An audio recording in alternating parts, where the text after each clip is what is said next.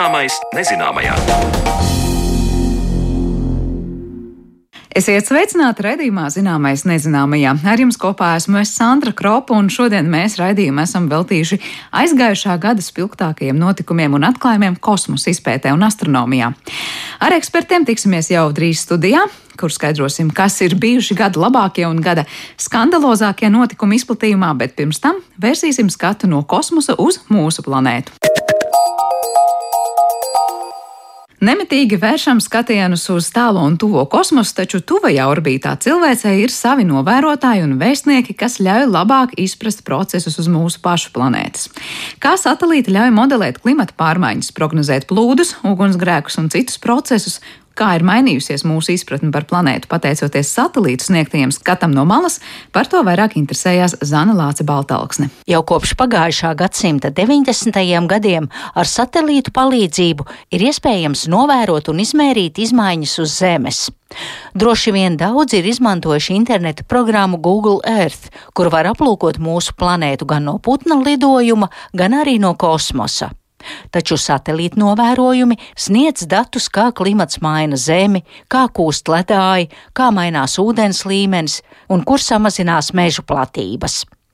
Dati, kas saņemti no mākslīgajiem Zemes pavadoņiem, palīdz gan ilgtermiņā noteikt klimata pārmaiņas, gan arī ikdienā prognozējot laika apstākļus.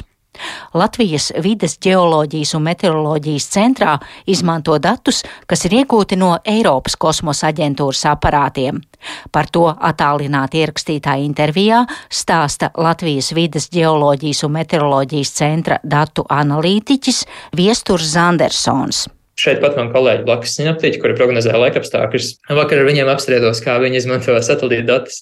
Un patiesībā sakot, viņi saka, ka bez satelīta datiem viņa darbs vairs nebūtu iedomājams, jo ir prognožu modelis, protams, kurš ņem jau šos datus un integrē sev iekšā.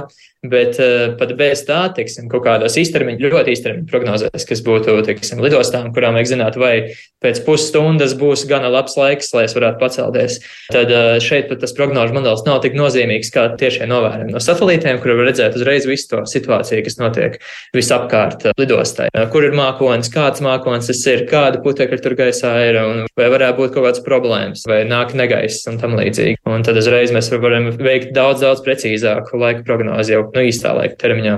Bet arī dažādas dabas katastrofas, teiksim, meža ugunsgrēki. Ļoti liels palīgs ir arī satelīta dati, jo ar viņiem var arī detektēt, kurās vietās ir kaut kāda siltuma anomālijas, teiksim, kas nav bijušas pirms tam. Turpinājumā viesturs Andersons skaidro, kā dati, kas iegūti kosmosā, palīdz noteikt dabas izmaiņas šeit uz Zemes. Tieši satelīta dati, kad mēs raksturojam kaut kādas izmaiņas uz Zemes, klimatiskas vai arī nē, tad lielākoties, ko mēs asociējam ar klimatu, tas eh, noteikti būtu ilgtermiņā mērījumi. Un šis datu pārklājums, kas iet laikā atpakaļ vairākus desmitus gadus vai pat vairāk ar atsevišķiem satelītiem, ir.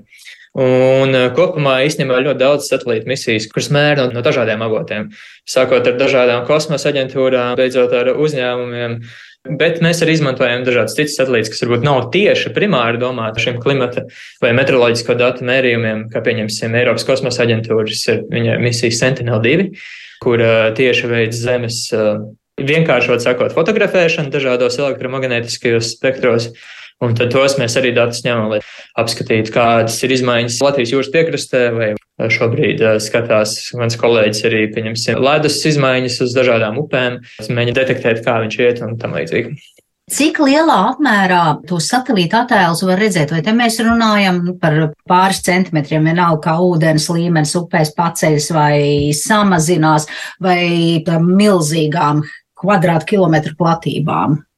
Nu, satelīta lielākais bonus ir tas, ka viņi ir eh, ļoti lielā pārklājumā. Principā ar satelītu var nofotografēt lielu daļu zemes īsā laika posmā. Tāpēc, ja skatās nu, tādā telpas mērogā, tad eh, satelīti ir diezgan spējīgi. Principā izdala divu veidu tos satelītus. Viens ir tie, kur ir atrodas tā sauktajā geostacionārajā orbītā, ja vienmēr ir konkrēti attālumā no Zemes, ja nemaldos, tas bija apmēram 35,000 km. Nu, viņš kustās ar Zemi vienā pozīcijā. Rotē viņai līdzi, sanāk, viņš konstanti ir pavērsts pret vienu Zemes vietu. Un bieži vien meteoroloģiskie satelīti ir tieši šādi, lai, teiksim, varētu konstanti ik pa desmit minūtēm veikt uzņēmumu, kā izskatās zemeslode, pēc viena zemes puslode, teiksim tā. Un uh, tad ir arī tā sauktie polārie satelīti, kuri rotē apkārt Zemē konstanti, bet viņi, protams, nevar nofotografēt visu Zemi. Viņi ir atrodas daudz zemāk, daudz tuvāk Zemē, viņiem visu laiku jākuraģē orbīta, bet viņu bonus, uh, kaut kā viņi nevar nofotografēt visu Zemi, viņi atrodas tuvāk, tas nozīmē, viņi var nofotografēt daudz augstākā izšķirtspējā. Vai ne tikai nofotografēt, arī nomērīt, attiecīgi, kāda tur sensori tur virsū viņam ir. Un, jā, nu, tas eh, telpiskais pārklājums ir liels bonus. Savukārt, kā iedomāties uzreiz eh, tieši izšķirtspēju, tad uh, tiem mērījumiem varbūt nav tik augsts, kā, ja, teiksim, mēs mērītu kaut ko uz zemes. Vai ne? Teiksim, meteoroloģiskā stacija, kas mums ir, viņa var nomērīt ar ļoti augstu precizitāti tajā vienā punktā, kas notiek. Savukārt, satelīts ne ar tik augstu, savukārt tas lielais pārklājums ir tas bonus, ko mēs iegūstam. Ja mēs runājam globālā mērogā par klimata pārmaiņām pēdējos gados, satelīti, cik ļoti tie var detektēt, skatāmies vai uz ledāju kušanu, vai uz mežu platību samazināšanos, kāda loma tur ir šiem satelītiem? Es teiktu, ka ir ļoti, ļoti liela. Lielākā daļa mērījumu, arī attiecīgi publikācija, kas ir atvesināts no šiem mērījumiem, ir tieši balstīts uz dažādu veidu satelītu datiem. Pieņemsim, atsevišķas satelītu misijas, pieņemsim, ir Eiropas kosmosa aģentūras, ir tāda misija, kuras sauc Skrajosat, kur speciāli ir ar radara palīdzību. Viņi tā kā raida elektromagnētisko staru un saņem atpakaļ atstarojumu, un tā var izmērīt, kādas izmaiņas ir, teiksim, kaut kādiem dažādiem ledājiem bijušas. Tas pats arī ar dažādām fotografijām. Bieži skatās, kur ir ir ledus jūrā un kur nav ledus jūrā. Un šis konstantais pārklājums mums ļauj arī izspriest, kā mainās tieši kaut kāda ledi polos vai arī okeānos vai tepat Baltijas jūrā, piemēram. Un uh, ar meža platībām pilnīgi tas pats. Nu, Reāli gandrīz vai visi šādi liela mēroga mērījumi ir balstīti uz satelītiem. Ir arī atsevišķas misijas, kuras attiecīgos elektromagnētiskajos spektros skatās, kā mainās, teiksim, tieši atmosfēras kvalitāte. Arī meteoroloģiskie satelīti, atsevišķi instrumenti to dara, un arī atsevišķas Eiropas kosmosa aģentūras misijas to dara, tāda sauktā Sentinel. Man šķiet, tā jau bija piektā misija, kur mērīja tieši dažādu atmosfēras gāzi koncentrāciju atmosfērā, tieši skatoties to, kā dažādi elektromagnētiskie spektri tieši atstarojās no daļiņām, kas varētu būt izklaidētas atmosfērā. Skatot ilgtermiņā un globālā mērogā satelītu iegūtos datus, var redzēt, kā piemēram pēdējo 14 gadu laikā ir pacēlies ūdens līmenis pasaulē. Vidēji ik gadu tas pieaug par 3,2 mm, taču dažās vietās, piemēram, Klusā okeāna dienvidrietumu daļā, kur ir daudz nelielu salu, temps ir trīs vai četras reizes ātrāks, kamēr citās okeāna daļās ūdens līmenis gandrīz nemaz nav mainījies. Arī Latvijas vides geoloģijas un metroloģijas centrā notiek šādi ilgtermiņa mērījumi gan par ūdens līmeni Baltijas jūrā, gan arī par saules radiāciju. Par to turpina viesturs Zandersons. Mums, protams, ir stacijas, kurās veic saules radiācijas mērījumus, bet uh, ikdienā monitoringā mēs atkal varam iegūt tikai atsevišķus punktus dažās vietās valstī. Bet, teiksim, mēs gribētu izvērtēt kaut kādu enerģijas potenciālu, no atjaunojamās enerģijas potenciālu, vai tam līdzīgi mums vajadzētu zināt, kāds ir vairāk vai mazāk tas radiācijas sadalījums visā, nezinu, valsts teritorijā. Un šeit mums uzreiz nāk tālākā satelīta dati, jo viņi arī ņemot vērā mākoņu pārklājumu, ņemot vērā atmosfēras atstarojamību un tam līdzīgi, mēs varam jau izspriest, aprēķināt un modelēt, kāds ir saules radiācijas pārklājums visā valstī. Vēl viens piemērs Arī projekts, pie kura mēs strādājam, ir ar krasta erozijas noteikšanu. Skatoties uh, regulāros pārlidojumus satelīta datos, mēs varam redzēt, kāda ir teiksim, dinamika jūras krastam un uh, kā viņš vēja uzplūdu gadījumā uzplūst, un kādas teritorijas tika noskalotas, kādas ir izmaiņas. Un uzreiz mēs iegūstam to lielo, lielā mēroga pārklājumu, to, kā tad krasts mainās. Šī gada laikā projekts noslēgsies, un tad arī mēs noteikti šos datus publicēsim uh, sabiedrībai redzamā veidā. Eh, bet vēl viens bonus tam projektam, ko mēs paši īstenojam, ir tas, ka arī nākotnē, kad mēs saņemsim jau jauns un jauns mērījumus, mēs varēsim turpināt šo novērojumu rindu. Un tad, nu, vismaz pēc pieciem, pēc desmit gadiem varēsim diezgan precīzi jau, es domāju, pateikt, kur tur kaut kas ir vairāk ietekmēts vai kur nav tik ļoti ietekmēts. Augstākas izšķirtspējas satelīti pārlido pār Latviju reizi divās līdz trīs dienās. Zemākas izšķirtspējas satelīta datus var iegūt ik pa 30 minūtēm. Un tādējādi dati tiek saņemti visu laiku, teica Viesturs Zandersons un skaidro, kas tieši nodrošina labu attēlu un datu kvalitāti. Viss jau ir atkarīgs nevis no tā paša satelīta, kurš lido, bet kāds instruments viņam ir virsū. Teiksim, ja viņam ir kaut kāda speciāla kamera, kur mēr tieši to vienu neredzamās gaismas gabalu, kas ir atbilst teiksim, kaut kādiem aļģu ziedēšanas atstarojamībai, tad šī kamera būs domāta teiksim, aļģu noteikšanai. Ja vienkārši parastā kamera, kas ir vairāk vai mazāk atbilst zilai, sarkanai un zaļai gaismai, tad tas vairāk vai mazāk izskatīsies pēc fototēla. Un tas ir tas, ko mēs redzam Google attēlos. Ir arī citi instrumenti, teiksim, kā jau teicu, radars, kurš pats ar aidu stāv uz zemi un saņem atpakaļ atstarojumu, un tad skatās, kā kaut kas ir mainījies tajā atstaroja vietā, no kurienes ir atstarojies no zemes kaut kas. Un uh, ir misijas, kuras ir domāts gan ūdens kvalitātei, gan, gan vienkārši fotografēšanai, gan uh, kaut kādai specifiskai vides monitoringa domai paredzētas, vai arī kaut kādai citu veidu, teiksim, ledāja misija, kur speciāli skatās, kā ledāja mainās un tam līdzīgi.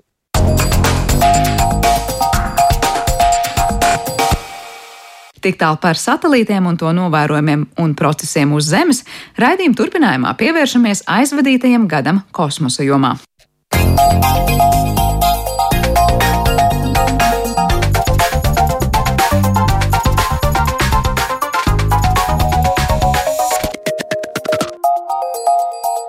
Zināmais nezināmajā. Ik gadu noslēdzam un jauno sākam ar aizvadītā gada svarīgākajiem notikumiem dažādās zinātnes jomās, un šodien mēs palūkosimies, cik aktīvs, rosīgs un arī dažbrīd visai vētrains ir bijis 2022. gads kosmosa izpētē.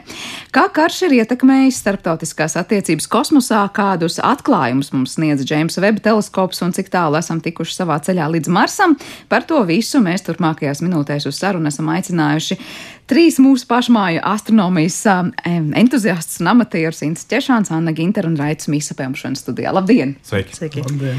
Sākšu ar to, kādas jums katram ir sajūtas par to aizvadīto 2002. gadu astronomijā un kosmosa izpētē kā tādā, kas ir jūsu, nu tās top lietas, kas ir vai sajūtas palikušas prātā. Ints, sākšu ar tevi. Nu, godīgi sakot, manuprāt, nepareizs jautājums, jo, jo, jo, jo, protams, kosmisko lidojumu jomā uh, Artemis 1 un, un, un un astronomisko pētījumu jomā uh, James Webs. Man ir ļoti grūti iedomāties, kā Anna vai Raits varētu domāt savādāk. Kaut ko citu, jā. jā. Tā kā notikumi, protams, ir arī, arī citi ļoti daudz, un es, es ceru, ka par daudz ko parunāsim. Bet, jā. tā kā ilgi gaidītie notikumi, kas izdevās, un ar tādu pozitīvu un tādu uzvaras sajūtu, ir tas gads aizvadīts vai gluži pretēji? Lielā mērā, jā, jo, jo nu, šie divi notikumi ir ļoti ilgi gaidīti. Esmu nesējis tik būvēts 20 gadus. Un, Un pirmais, pirmo, pirmo, pirmo reizi šis starts bija plānots 2016. tā kā mēs esam ļoti daudz gaidījuši. Un James Webs ir uh, vēl ilgāk vēsturē. Ja? Viņi sāk, sāk pa viņu domāt 80. beigās. Atlika un konceptu koncept taisīt 90. un būvēm 20 gadus, un abi divi ārkārtīgi dārgi projekti, un, un beidzot viņi realizējušies. Ja, tā, kā... tā kā ilgi gaidītās lietas sagaidītas ar tādām sajūtām. Anna, kā tev? Jā, es varu tikai pievienoties, ka tas ir Artemis un Džeims Vebs, un es trešajā vietā ieliku Dārta misiju, kas arī bija tāds, nu, lai gan mēs neko tādu šausmīgu nesasniedzām, tur asteroīds netika sašķēdīts gabalos kā Holivudas filmās un, un, un netika pārvirzīts tur nes pavisam citā orbītā, bet tas ir tāds pirmais mēģinājums iet tajā virzienā, kā pasargāt zemi no šiem milzīgiem akmeņiem, kas mums lido apkārt, un to kļūt, nu, teiksim, tā zināšanas par viņiem vairojās, un mēs saprotam, ka viņi ir diezgan daudz tur augšā. Tā kā es te, tajā tādu no sasnieguma ziņā ieliktu arī dārta misiju, bet katrā ziņā, nu, gads bija ļoti bagātīgs un tiešām, tiešām veiksmīgs, neskatoties uz visām problēmām šeit uz Zemes kosmosā. Tas bija tāds ļoti interesants un aizraujošs. Un Noteikti nebija tukšais gads. Noteikti. Ne.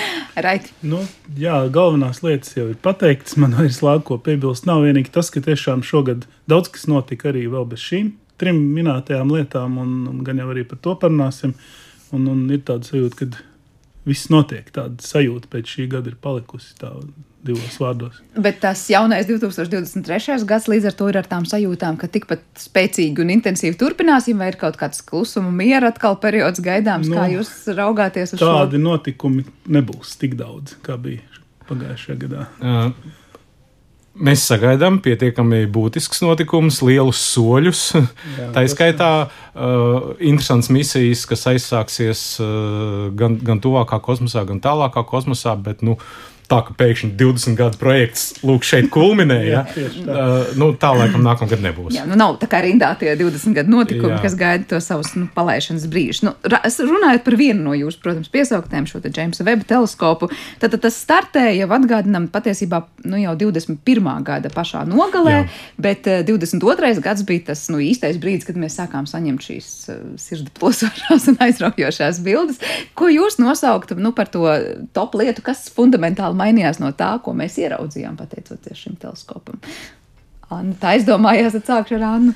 Jā, nu, man patīk tās pirmās bildes, kas tika publicētas. Katrā ziņā viņas nu, bija tādas, ko mēs agrāk varējām ar Hubble izdarīt, un ko mēs varam tagad ar Jamesu Webbu izdarīt. Tā kā tāds salīdzinājums, lai cilvēki saprotu, ir, kāda ir tā vērtība Jamesam Webbam, jo, jo nu, liela nauda ir investēta šajā projektā, un, protams, tiem cilvēkiem, kas maksāja nodokļus un, un reāli piedalījās šī projekta sponsorēšanā, viņiem vajadzēja parādīt, ko tad mēs iegūstam, kas tad ir tas labums no šī te teleskopa. Un tālāk jau mēs redzam, attīstoties visiem tiem projektiem un nākot iekšā jaunām publikācijām, jauniem kā, fotografijām un pētījumiem, kas saistīti ar James Webb. Mēs redzam, ka viņš var vairāk, tālāk, detalizētāk, kaut vai tās pašas citplanēta atmosfēras. Mēs iegūstam tādus datus, par kuriem agrāk pat nevarēja īsti iedomāties, ka to ir iespējams iegūt. Tā kā jā, nu, es šajā gadā, protams, ka tas turpināsies. Nebūs jauns James Webbs, bet mēs redzēsim, ka viņš turpina to darbu, ko viņš ir iesācis. Un līdzīgi kā Hubble teleskopām, piemēram, ir tas Deep Field, kur viņš vienu apgabalu fotografē jau vairākus gadus pēc kārtas, un summārais tas attēlu un ekspozīcijas laiks jau pārsniedz tur dienas. Tad Džeimsam Webam būs līdzīgi projekti, un mēs redzēsim, kā tas visums ar vien padziļinās un kļūs detalizētāks, iet tā kā tālumā. Un tiešām varbūt mēs beidzot ieraudzīsim to pašu, pašu visumu gaismas piedzimšanas brīdi, pašas pirmsākums, kad ir pirmās zvaigznes, pirmās galaktikas. Kas ir šobrīd tas tālākais un interesantākais, ko Džeims Vebs mums ir parādījis? Cik tālu mēs to mērogu redzam šobrīd? Uh, Runa iet par, par, par, par šām tālākajām, pašu tālāko zvaigzni, vienu, kur tur ir palielināta gravitācijas lēca, ko mēs esam ieraudzījuši. Arī, arī agrīnas galaktikas tālāk nekā spējām ieraudzīt ar Hubble. Jāsaka, šo zvaigzni īstenībā ar Hubble mēs redzējām, bet toreiz mēs redzējām tikai šo gravitācijas lēcas izstiepto gaismas loku, ne pašu zvaigzni viņā saskatījām. Nu, Džeims Vebs viņu saskatīja. Un mēs runājam, šeit mēs runājam īstenībā kosmoloģiskās distancēs, kas varbūt tā ikdienas cilvēkiem nav tik saprotami. Mēs runājam par sarkano nobīdi, mēs runājam šī gadījumā par Z13, kas ir palabojiet kaut kādu 400, 500, 600 miljonu gadu pēc, mm -hmm. pēc lielās sprādziena. tā. Ja, tāpat laikā ir jau novērojami, kur cilvēki nu, izplatīja zinātniskās baumas par Z20, kas ir burtiski kaut kādi 300 miljoni gadu pēc, pēc lielās sprādziena. tie ir, uh, Un šie vēl jāapstiprina ar citām metodēm. Tur, tur, tur runa iet par to, kā tas tiek novērots un kā šie dati tiek interpretēti. Uh, bet uh, nu, tas, ko mēs. Kas jau ir redzams, ka mums mazliet nāksies pamainīt uh, savu viedokli par to, kā vis, agrīnais visums attīstījās, kā, cik strauji šīs zvaigznes uh, uh, pirmās veidojās, cik strauji veidojās pirmās galaktikas, jo izstāsta, ka tas notika agrāk un ātrāk nekā mēs par to domājam līdz šim. Tas pagaidām neapgāž mūsu, mūsu esošās teorijas, ja, bet, bet, bet nu, labojumi būs nepieciešami. tā kā pārskatīsim to, cik ļoti mēs Jā, esam izpratuši pareizi. ja? tie, tas, tas ir viens no galvenajiem uzdevumiem. Ja, precizēt šos modeļus, izp, mo, modeļus izprast pareizāk, precīzāk, ja sazīmēt visu, kā notiek. Mūsu izpratne par to, kā darbojas šī pasaule. Bet mēs varam vispār teikt, nu, ir tādas prioritārās lietas, ko šis konkrēti teleskops skatīsies, vai tās ir citplanētas, un tad mēģināsim rast atbildes uz to jautājumu, nu, kādas tās ir, kur tās ir, no kā sastāv, un kāda tur ir tā dzīve, vai nav tā dzīve, eh, vai vairāk uz to agrīno visuma veidošanos un tās mūsu teorijas un pieņēmumus par to, kā tas noticis. Eh, eh, Tur ir krietni, krietni burtiskāk. Pirmkārt, šo, šīs jomas ir gana daudz, bet viņas ir noteiktas ļoti strikti līdz, līdz minūtēm, kura joma cik daudz dabūs. Katrā jomā sacenšas projekti, kurš tiks pie teleskopa laika, jo teleskopa laiks ir ārkārtīgi dārgs. Jā, cik, cik es zināju, tad, cik es dzirdēju, tad div- 20 tūkstoši minūtē. Tāds Nu, ārprātīgs pietiekoši. laiks, ja, bet, bet nu, tas nenozīmē, ka tu vari ar lielu naudu viņu nopirkt. Ja tev ir, tev ir, tev ir tu, tu viņu dabūsi tad, ja tev būs pareizais projekts iesniegts. Un, un, un, un katrā šajā jomā viņi, viņi konkurē, un, un ir atkal organizācijas, kas ir nu, diži partneri, piemēram, Eiropas kosmosa aģentūra. Viņai ir izdarīts daudz laiks, bet arī viņai jākoncentrējas uz konkrētajām jomām. Tā kā tas, tas sadalījums tur ir, tur ir milzīgas komisijas, kas izvērtē, un nav tā, ka tu vienkārši. Nu, katrā ziņā vai nu nav tā, ka teleskops stāv tukšs un tagad nekas nenotiek, vai arī pēkšņi tur jebkurš, kuram ir nauda, vienkārši nāk un pēta. Mēs, es, mēs esam mācījušies, mācījušies no Hubble, kuram pirmsākumos tiešām bija tā, viens projekts beidzās, novērojami ātrāk, un tagad teleskops stāv tur kaut kādu laiciņu bez darba.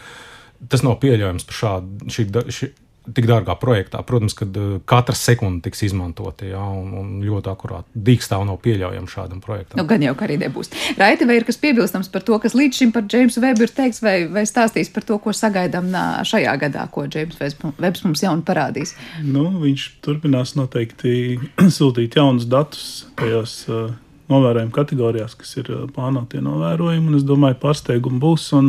Jāatcerās arī tas, ka šai un arī visām citām misijām ir tas garās astes efekts, ja tā varētu teikt. Tie dati tiek savākti, viņi tiek arhivēti, izanalizēti, un pēc kāda laika kāds izdomā paskatīties uz tiem datiem no citas puses, un tiek veikta vēl kāda atklājuma. To mēs redzam principā ar jebkuru, jebkuru instrumentu, kas ir bijis vai vēl joprojām darbojas, un, un tas vienkārši jāņem vērā, ka tas, ko mēs tagad ieraugām un atklājam, tas nav viss, būs vēl citi jauni atklājumi. Ar tiem pašiem datiem, Ar tiem pašiem datiem kas jau ir iegū, iegūluši, var teikt, arhīvā vai, vai, vai tiek analizēti, jebkurā gadījumā tos datus viņus jau nepārtraukti kāds.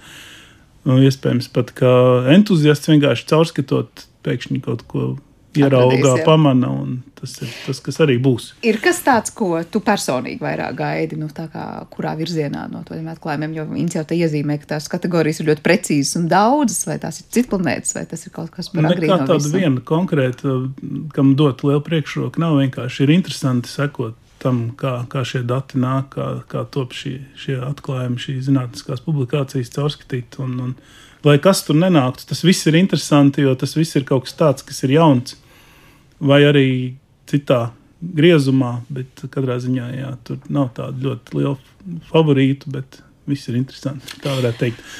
Jā, par tām tehnoloģiskajām lietām runājot, kas mums pagājušajā, nu jau jāsaka, gadā daudz mm, lika runāt un domāt un pārsteidzēja. Protams, jūs pieminat arī Artemis misiju. Atgādināsim klausītājiem, kas ir tas visbūtiskākais un visizcilākais runājot par Artemis misijām. Starts ap, brauciens apkārt mēnesim. Jā, jā, beidzot, mēs atkal varējām ieraudzīt nu, mēnesi no kosmosa kuģa. Kā cilvēki tvītā sociālajos medijos teica, sajūta tāda, ka skatoties uz to attēlu, kā mums tuvotos citplanētiešu kuģis kurš jau skatās jau gar mēnesi uz Zemi. Un, jā, tas tāds beidzot mēs tiešām no runas par to, ka mēs iesim atpakaļ, tur atgriezīsimies uz mēnesi, jau, jau tā kā iezīmējās nu, tāda skaidrāka vīzija. Un šī gada plānotie darbi, es domāju, to vēl pastiprinās. Ir vairāki tādi punkti, kas tā papildinās to Artemis programmu kā tādu, kas nu, tā nostiprina to ceļu, ka mēs tiešām atgriežamies uz mēnesi. Un tas Mars tā kā tāds pieklust, tā atgriešanās uz Marsu ar cilvēku misijām vairs nav tik. Nu, tā skaļa. Spotlightā vairs Aha. nav, tā kā nav, nav vairs uzmanības centrā. Šobrīd centrā būs Artemis ar visiem saviem tiem punktiem, soļiem, kas ir nākamgad paredzēti. Bet nav tā, ka mēs tikāmies vienā no raidījumiem 2022. gadā, runājām, ka Artemis ir tas tā pirmais pakāpiens tik un tā ceļā uz tā Marsu. Noteikti. Jā. Tas jau netiek slēpts. Par to arī runā, ka uz mēnesi var pamēģināt daudzas lietas, kas uz Marsa noderēs un būs vajadzīgas. Un tā, kā... tā jau arī ir viena no šī, šo misiju, protams, nevienīgā, bet viena no viņu nu, jēgām. Tā kā uzmanības lokā varbūt tik ļoti nebūs Mars, bet tas mm, tālāk kāds mērķis netiek. Tas viss tāpat jā, un droši vien arī ne tikai Mars, bet arī asteroīdu misijas un tas viss to visums, kur teorētiski cilvēks varētu aizbraukt un kur jā, tā kā darboties, jā, tad. Artemis ir tāds, tāds posms, bet pirmais noteikti, ka tagad tā atgriešanās būs uz mēnesi. Nav tā kā Amerikā, kad mainās prezidents. Mēs tagad uz Mārsu, mēs tagad uz mēnesi, mēs uz asteroīdiem. Tagad tas, tas fokus uz mēnesi ir ļoti stingrs. Bet kas ir tie tālākie soļi, ko mēs sagaidām no tā mēneša? Tad mēs atkal mēs ieraudzīsim kaut ko jaunu, mēs vienkārši tīri emocionāli teiksim, lūk, mēs atkal tur tā kā esam. Mēs atklāsim kaut ko līdz šim nezinām, vai par mēnesi ir pietiekoši daudz zināms. Un, um, Kas ir Viss, vis, ko tu pārskaitīji, jā. jā, un, un tālākā, tālākā solī Nu, vai, vai, vai nu mēs gluži viņu kolonizējam tā uzreiz, bet uh, mēs tur atrodamies un veicam zinātnē pastāvīgi. Līdzīgi kā tas ir kaut kādās bāzēs Antarktīdā, ja, kur cilvēki uzturās, viņi tur īsti nedzīvo, bet nu, vienmēr kāds ir. Vai, vai starptautiskā kosmiskā stācija, kur jau 20 gadus cilvēki vienmēr, visu laiku, visu laiku tur kāds ir un, un, un, un kaut kāda zinātnē bīdi. Ja, un, Mēs sagaidām no mēneša tā, to pašu. Jā.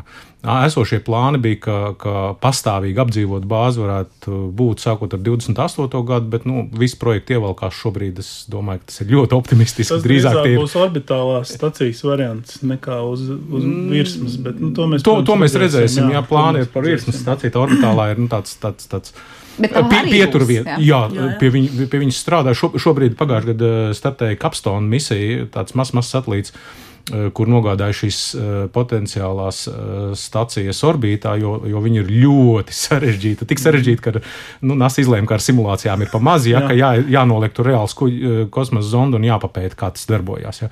Un šobrīd viņš tur atrodas un, un, un, un šajā orbītā jau. Un, Nekas un, viņam nenotiek. Nekas viņam nenotiek jā, es nezinu par rezultātiem, neesmu lasījis. Bet, bet... bet kādā ziņā ļoti sarežģīta orbīta? Uh, jāņem vērā, ir, ir sekojuši uh, dēļ orbitālās mehānikas, un ļoti pareizi šī orbīta ap mēnesi ir ārkārtīgi izstiepta. Tuvākais, ļoti liela tāda elipse, ja tuvākais punkts ir ļoti tuvu mēnesim. Uh, kurā mēs pietuvojamies mēnesim, bet nenolaižamies. Un ir tālais punkts, kur, kur kosmiskais aparāts lido savukārt ļoti lēni. No tā mums ir vieglāk nolaisties uz mēnesi. Tas nekas, ka viņš ir tālu.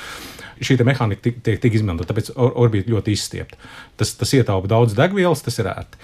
Uh, bet jāņem vērā, uh, uh, ka nu, gan, gan mēnesis gravitācija, gan, gan Zemes gravitācija, gan Lagrange punkti, kur ir labila gravitācija. Un, un, un ja mēs paskatāmies trijās dimensijās, kāda šī orbīta izstāsta, nu, tur tāds piņķers, ja ka, tas nav tā kā uzvelkama aplīta apkārt planētai. Tā tur, kā bildē ir... zīmē elips, tas tā neizskatās. Tā, tā arī tā, tā neizskatās. Tur viss pilnīgi haotiski tāda, tāda, tāda, tāda, tāda trīsdimensiju līnija. Tur to spēku, kas to ietekmē, ir daudz, jā, un, jā. Un, un, un tāpēc, tāpēc jā. Mm. Tātad katrā ziņā izaicinājumi netrūks, līdz ar to tāpēc tur būs reāli šī orbitālā arī tā stacija, kas skatīsies un redzēsim Šobrīd, ar kādiem. Nu, orbitā... izmēģinājuma zondi aizsūtīt jā. tādā mm -hmm. orbītā, kādā lidos stacija. Tā, jā. tā orbitālā stacija tālākā nākotnē izmē paredzēta savādāk. Viss transports uz mēnesi ceļot caur šo staciju līdz stacijai nu, no Zemes līdz stacijai un atpakaļ, un no stacijas līdz mēnesim un atpakaļ. Sākotnēji e, tā nebūs, bet nu, tas ir nākotnes mērķis kaut kad tālāk. Ja, šādā veidā uh, viņš ir ērtāks. Tie, tie mēnesis uh, šatli, vai kā mēs viņus saucam, viņš jā. nolaiž uz mēnesi, pēc tam atpakaļ uzpildās, ja laižās atkal lejā. Nu, tā, tā kā pieturvieta. Bet cik intensīva būs šī satiksme? Kādas ir tās idejas? Nu, Sākumā ir plānots misija gadā, bet tālāk droši vien biežāk. Jā. Tad jau arī to mēs redzēsim. Bet, t, t, nu, Mums viss vēsture ir pilna ar to, ka ir daudz mazāk misiju nekā cerēts. Jā, jā, skat, mm. Skatāmies uz Space Shuttle programmām. Jā, tad, Tad vienmēr ies ar vairāk jā. nekā, nekā realizē. Jā. Bet tās galvenās lietas, ko gribas saprast, ja mēs realizējam visu šo mēnesi misiju tā, kā gribētos, tur ar visu šo apdzīvojamo staciju un tā tālāk, tā atkal ir vairāk ar domu izmēģinam, kā tehnoloģija strādā, lai to darītu citu vietu vai par pašu mēnesi kaut ko fundamentālu. Gan, fundamentālu gan. gribam. Gan, gan viennozīmīgi, jā, jo mēnesis kā objekts, protams, arī mums ir interesants, jo tas ir tuvu Zemē, un mēs tomēr tur varam veikt visādus interesantus zinātniskos eksperimentus, sevišķi, ja mēs skatāmies no astronomiskā viedokļa mēnesis otrā puse, kas ir tā puse, ko mēs no Zemes neredzam, ir ļoti uh, enerģētiski tīra, tā varētu teikt. Tur netraucē zemes šis piesārņojums, tur ir tumšāk, ne, ne tumšāks, bet, nu, principā nav tas zemes siltums arī tik izteikts. Līdz ar to tajā brīdī, kad mēs esam zemes tuvējo orbītu piesārņojuši ar satelītiem un astronomi ir sašutuši par strīpām attēlos, tad teleskops otrpus mēnesim būtu ļoti ideāla lieta, tur runā gan par radioteleskopiem, gan par optiskiem teleskopiem. Kā, nu, tas ir interesants arī no zinātniskā viedokļa, protams. Uh, uz mēnesi arī daudz interesantu lietu, ko mēs gribētu iemācīties izlietot. Uh, dažādas uh, potenciālās nākotnes enerģijas, resursus un tā tālāk. Tā kā, ne tikai lai iemācītos, teiksim, spērt soli tālāk uz Marsu, uz asteroīdiem, vēl kaut kur, bet arī izmantot pašu mēnesi. Protams, kā jau viņš teica, tāda normāla kolonija, kurā cilvēki varētu dzīvot, kā zinātniskajās fantastikas filmās, es domāju, vēl ir tālā nākotnē, bet tāda normāla bāzīte, līdzīgi tāpat kā kosmiskā stācija, kāpēc ne? Tas jau nav baigi tāls solis. Tā to mēs ceram vēl savu mūžu laikā noteikti ieraudzīt. Jā, ieraudzīsim, ka dosies ne tikai uz starptautisko kosmosa staciju, bet arī uz mēnesi staciju un daudz kur citur. Kā ar to Marsu, es saprotu, tie soļi tā kā ir pārlikušies tālākā nākotnē un tomēr. Uh, kādi notikumi vai soļi tika spērti, lai mēs teiktu, esam pietuvojušies tā idejai par, par, par Marsa labāku izpēti un tur nonākšanu kādu dienu. Uz Marsa efektīvi turpinās izpēta ar robotiem, tā varētu teikt. Helikopters turpina kopš aprīļa lidot, kas vispār ir kaut kas pilnīgi negaidīts un, un fantastisks savā ziņā, jo, jo nu, viņš nebija tik ilgi domāts. Viņš palīdz uh, atrast obi novērojumu objektus visur gājējiem. Nu, Tas tad, savukārt lasa paraugus, urbi un vāc. Un jā, nu, tad, nu, tur arī daudz kas notiek. Jā. Līdz, līdz pat tam, kad nu, medijos izskanēja ar, ar diezgan lielu troksni, tas šis pirmais lidojums, ka mums izdevies pacelt dronu uz Marsu. Jā, bet, uh, bet šobrīd šo lidojumu ir bijis apmēram 40 vai, vai aizvien, 30, aizvien tālāk. Viņam tas jā. radio, radio diapazons ir, ir viens kilometrs tālāk, viņš tā ne, nevar aizlidot, jā, bet nu, viņi to ir apguvuši un, un viņš ir tik sekmīgs, ka īstenībā NASA, NASA izvērtēja mainīt plānus. Agrāk, agrāk bija plānots savākt uh, paraugus, ko, ko ir iepriekš savākuši šie roveri. Uh, ar, ar kaut kādu citu tur mm, robotu mm. gājēju. Ja nu šobrīd pavisam reāli izvērtē, ka tas nav tā vērts, uzbūvēsim labāku lidaparātu un savāksim lidaparātu. Ja. Šim pašam pielikt spailes. ne, labi, viņam es, es, es pieļauju, nav, no, nav tā performance, ja, bet, jā, jā. bet eh, ir skaidrs, ka, ka lietas strādā un ir daudz sekmīgāk nekā bija domāts. Tā kā, jā, tā kā šajā gadā droši vien no Marsa arī dzirdēsim daudz jaunas, pārsteidzošas lietas vai nu, atklājumus. Nu, tās vai... pašas ja, jaunos atklājumus, kas Palaikam notiek vienkārši. Nu, nu, jāsaka, vairāk. gan mums šobrīd uz Marsa ir divas lielas misijas, kas joprojām ir mm. Curiosity un, un, un tagad Perseverance. Jā. Uh, bet nu, neesmu dzirdējis, ka NASA plānos būt būvēt kādu nākamo šādu kalibru misiju. Tas ir liels dārgs misijas, viņi maksā pārpa miljardu. Un, nu, Toties labā ziņa ir, ka Eiropas misija, ja varētu teikt, ir izglābta, ir atrasts veids, kā viņi, ja es pareizi atceros, 28. gadā, tomēr tas mūsu Eiropas rovers arī nonāks. Eksomars, jā. Eksomars, jā, nu, tā, tā, tā arī varēs pabraukāt. Tā ir atsevišķa tēma, kur, kur jā. ja, mēs, ja mēs pieskarsimies šiem te Ukrainas jautājumiem, ja kā. Tas ir jā, viens jautājums, ko jā, tad, tad, tad arī parunās.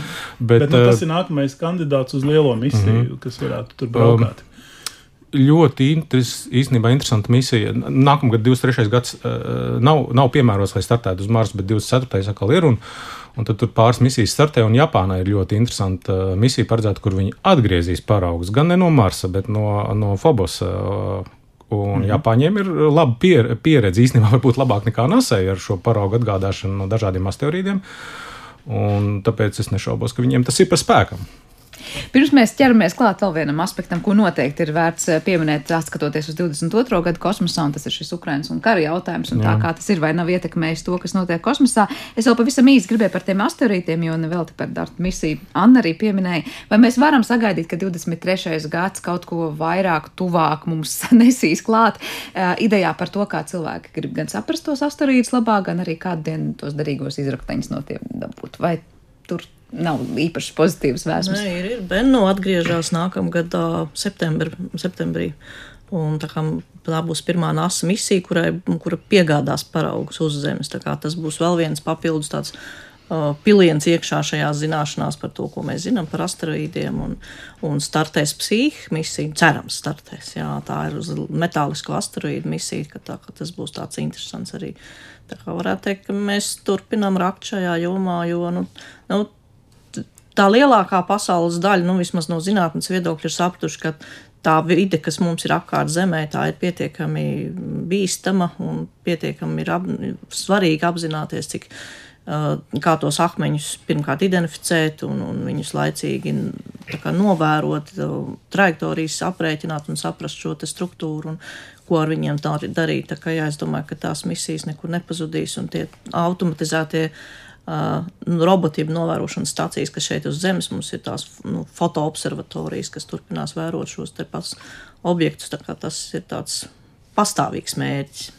Bet vairāk akcents tiek likts uz to, kā pasargāt Zemi no asteroīdiem, kas kādu dienu te varētu mums sagādāt nepatīkams pārsteigums, vai vairāk skats ir uz to, kā iegūt tos ilggaidītos resursus. Nu, te, te, te vārds par psihi noteikti ir jāpasaka, ja, jo tas ir tā tāds svētais grāls, man liekas, jau, jau gadus 20, 30 ka varētu beidzot misiju norganizēt. Tas ir milzīgs, 200 km diametrā, ja nemaldos, dzelzceļa asteroīds. Tas tie nav silikāti, tur akmeņi un tā, tas ir metāls.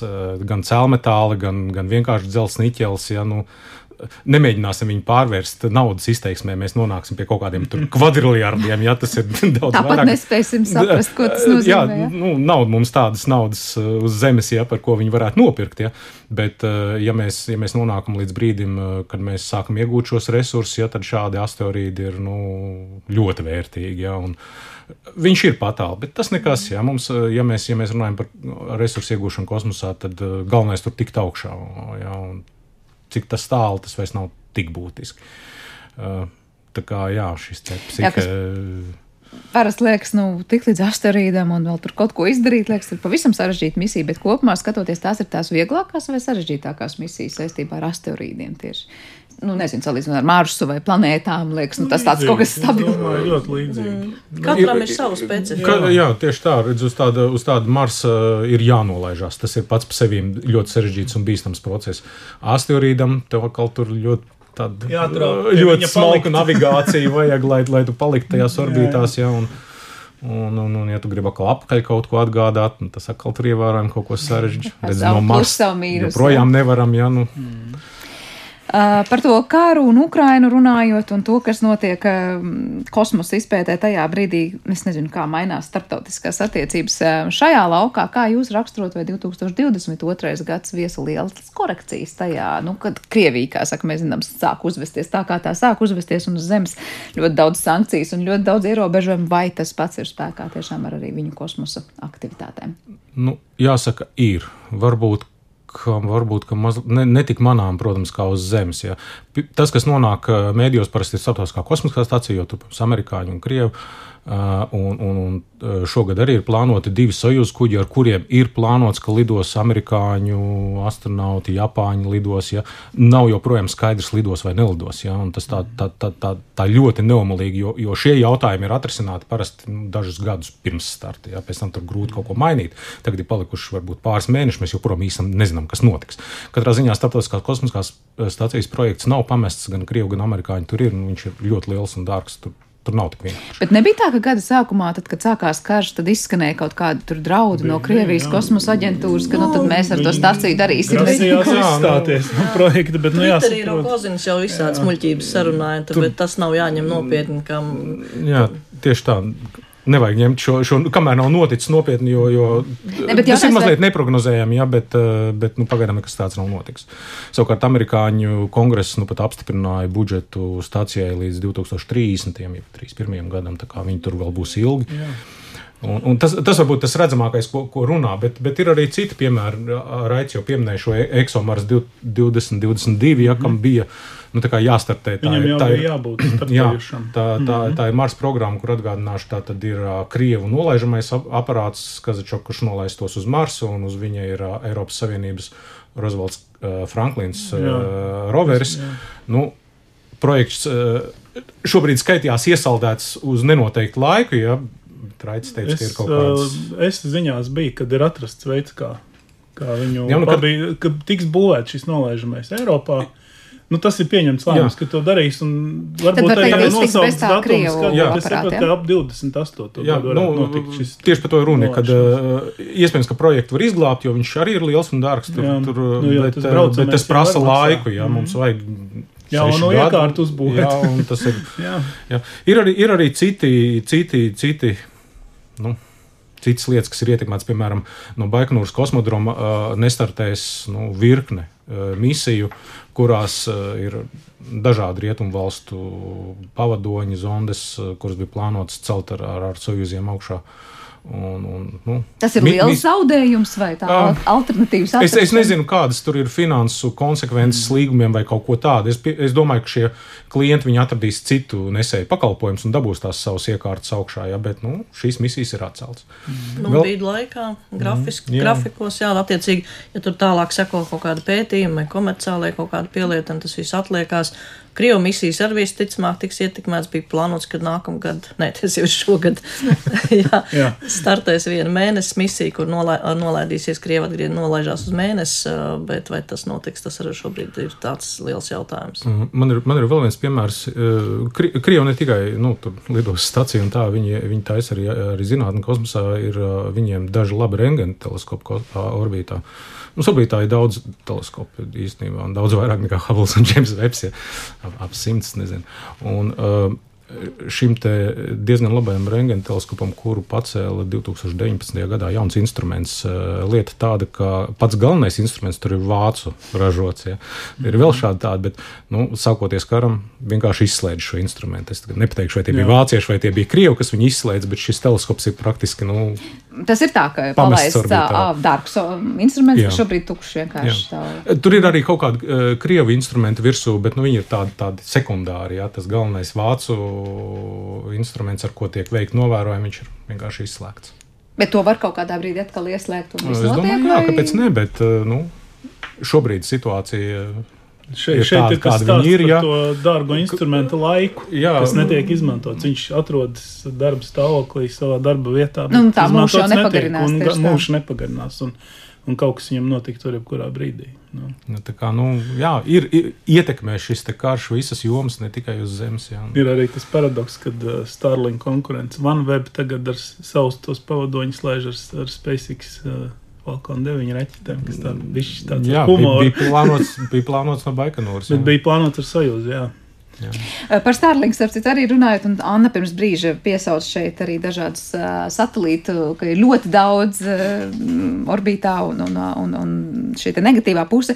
Cik ļoti š- 2022. gads bija tas, kurā, nezinu, astronomi vairāk sāk runāt par to negatīvo pusi, cik pilna ir tā orbīta ar daudz ko, ko vajag, nevajag, cik ļoti Ilons Masks saimniekoja kā liels saimnieks ne tikai šeit uz Zemes, bet arī kosmosā, vai, vai ir vērojams kaut kādas negatīvās puses. Un, Jā, nu, protams, pamanīju jau tos, nu, tie paši ilg, ilgas ekspozīcijas attēli, gan amatieru foto, gan arī profesionālajos. Viņi pama, pali, al- palielinās šis te satelīta klāsts. Un, un, ja mēs skatāmies nākotnē, mazāk viņi nepaliks. Amazons gatavojas savu, savu to tīklu attīstīt, un, un vēl būs citi. Un, Tā kā, nu, ar to mums būs jāmācās sadzīvot, vai mēs paļausimies vairāk uz observatoriem, kas atradīsies kosmosā ārpus šī tīkla, vai mēnesis otrā pusē, vai, vai kaut kur citur. Bet katrā ziņā, jā, nu, protams, mēs redzam to ietekmi. Un, ja mēs atceramies, nu, teiksim, savu bērnību, kad mēs ieraudzījām satelītu, wow, tur ir īdiumi, cevišķi kāds, kādam izdevās ieraudzīt, nu, tas bija kaut kas īpašs. Šobrīd, ja es skatos, teiksim, mēs aizējām ārā observatorijās 10-15 minūtēm, viens pēc otra. Nav vairs tas, wow, jūs redzat satelītu, tas ir kaut kas īpašs. Nu, tas ir tāpatās, kā jūs mašīnu redzat uz ceļa. Aptuveni Kaut kādas tāds. tautsēmniecības nozares veids Jā. vienkārši. Jā, tagad drīzāk ir otrādi. Wow, es redzu planētu, vai ne? Nevis satelītu. Starp citu, par to, ko redzēju 23. gadā naktsniegajās debesīs, es jautāšu Annai, nu kā jau no observatorijas puses ir kaut kas, kas īpaši mūs sagaida, kur būtu vērts pievērst uzmanību un nepalaist garām. Nu, nekas tāds īpašs mums Latvijā nebūs. Nu, protams, mēs gaidām lielās planētas, kas būs vairāk vasaras noslēgumā. Uh, bet tā, nu, nu kāda wow, tāda notikuma nebūs. Sa- Saules aptumsums aizgāja. Šogad bija, uh, pagājušajā gadā bija oktobrī, un tagad nākamgad nekas tāds īpašs nav gaidāms. Bet jā, jā, jāgaida vasaras beigas, tīpaši tiem, kuriem patīk lielās planētas. Tad būs atkal Jupiters, Saturns redzams ar visiem saviem gradzeniem un pavadoņiem. Tā kā īstais zvaigžņu vērošanas un debesu vērošanas kopumā laiks mums, protams, ir vasaras beigas. Noslēdzot šo sarunu, pavisam īsi tas, ko mēs parasti arī pieminam, ir par to, vai ir spērti tālāki soļi ar tām visām kosmosa turismu lietām, vai mēs varam teikt, mēs pietuvojāmies lielākiem soļiem 2022. gadā tam, kā šī joma attīstīsies, vai nu, tur nekas daudz nemainījās. Nu, Bija axioma AX1 starts. Tas bija pirmais pilnīgi, kā saka, privātais lidojums uz kosmisko staciju. Tas, laikam, nu, ir jāpiemina kā solis šajā virzienā. Bet visādi citādi vienkārši tiek domātas privātās stacijas, tiek pārbaudīti, izmēģināti šie piepūšamie moduļi, kas tiks izmantot, un tas viss turpinās darbs pie tā. Bet tādu konkrētu Nu, izrāvienu nebija. šāvienu kosmosā pagaidām vēl nav šobrīd. Cilvēki aktīvi strādā pie izveides. Mhm. Ir paziņot datumi, bet kā mēs zinām, tie datumi slīd. Viss plūstu mainās.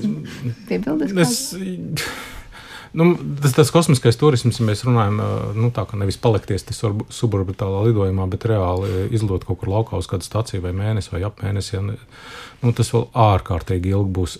Ārkārtīgi dārgs prieks, ne, ne priekš no pa Protams, cilvēkiem parastiem. Ja, ja tu vari samaksāt par biļeti tur 100 miljonus, 200 miljonus, ja, nu, tad, tad lūdzu, ja, bet, bet ā, jā, viņš kļūs pieejamāks, protams. Jā. Bet SpaceX tuvā privātie nākotnē, jā. citi attīstīsies, bet jā.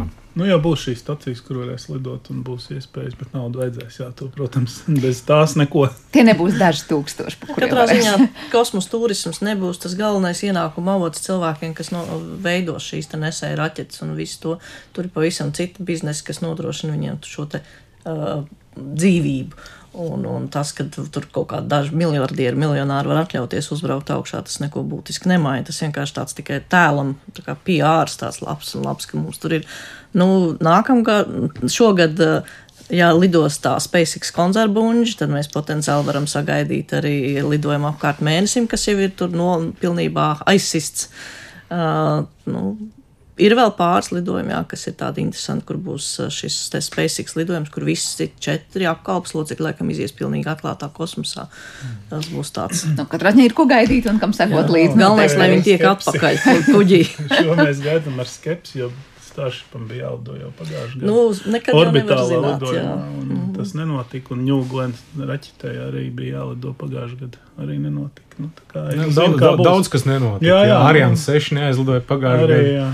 Jā, nu, neaizlidoju, varbūt aizlidoju šogad, varbūt vēl, vēl nedaudz vēlāk, bet skaidrs ir viens, ka 2022. gads, kā jau sarunas sākumā minējāt, bija tiešām ļoti tāds intensīvs un notikumiem bagāts gads, bet 23. gads, lai arī nesola nekādus varbūt lielus un ilgi gaidītu, nezinu, sagatavju rezultātus, jo vienalga varētu būt diezgan interesants gads astronomijā un noteikti kosmosa izpētē.